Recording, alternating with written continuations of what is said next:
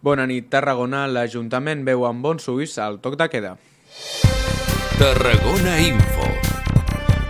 L'Ajuntament de Tarragona s'ha mostrat avui a favor del toc de queda aprovat pel Govern de la Generalitat. El portaveu municipal, Manel Castanyo, expressa que el confinament per municipis és una mesura d'equilibri entre la salut mental dels ciutadans i la salut general de la població.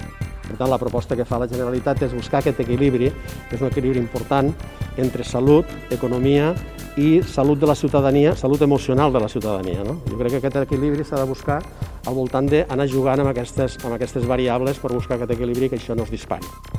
La festa major de Sant Magí ja està preparada per encetar el proper mes d'agost amb moltes activitats pensades per fer-se a l'aire lliure i gaudint de les mesures de seguretat anti-Covid i contra les agressions masclistes i LGTBIQ-fòbiques.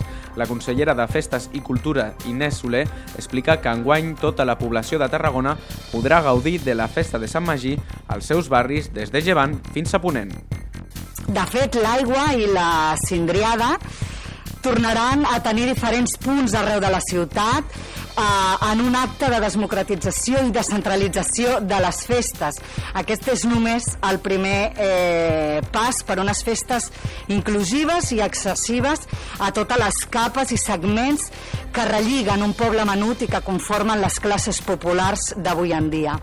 I en successos, la matinada d'aquest 14 de juliol, una dona de 50 anys va denunciar un atracament i agressió amb arma blanca al barri tarragoní de Bonavista. Els fets van succeir al carrer 14 quan la víctima sortia del seu domicili per anar a treballar. I avui, Eudal Carbonell, antropòleg, investigador de l'IFES i codirector del projecte Tapuerca, ha passat pels micròfons de carrer Major, assenyalant que estem entrant en un circle virtuós de possibles grans troballes. Hem aconseguit el testimoni de Bernat Pujol.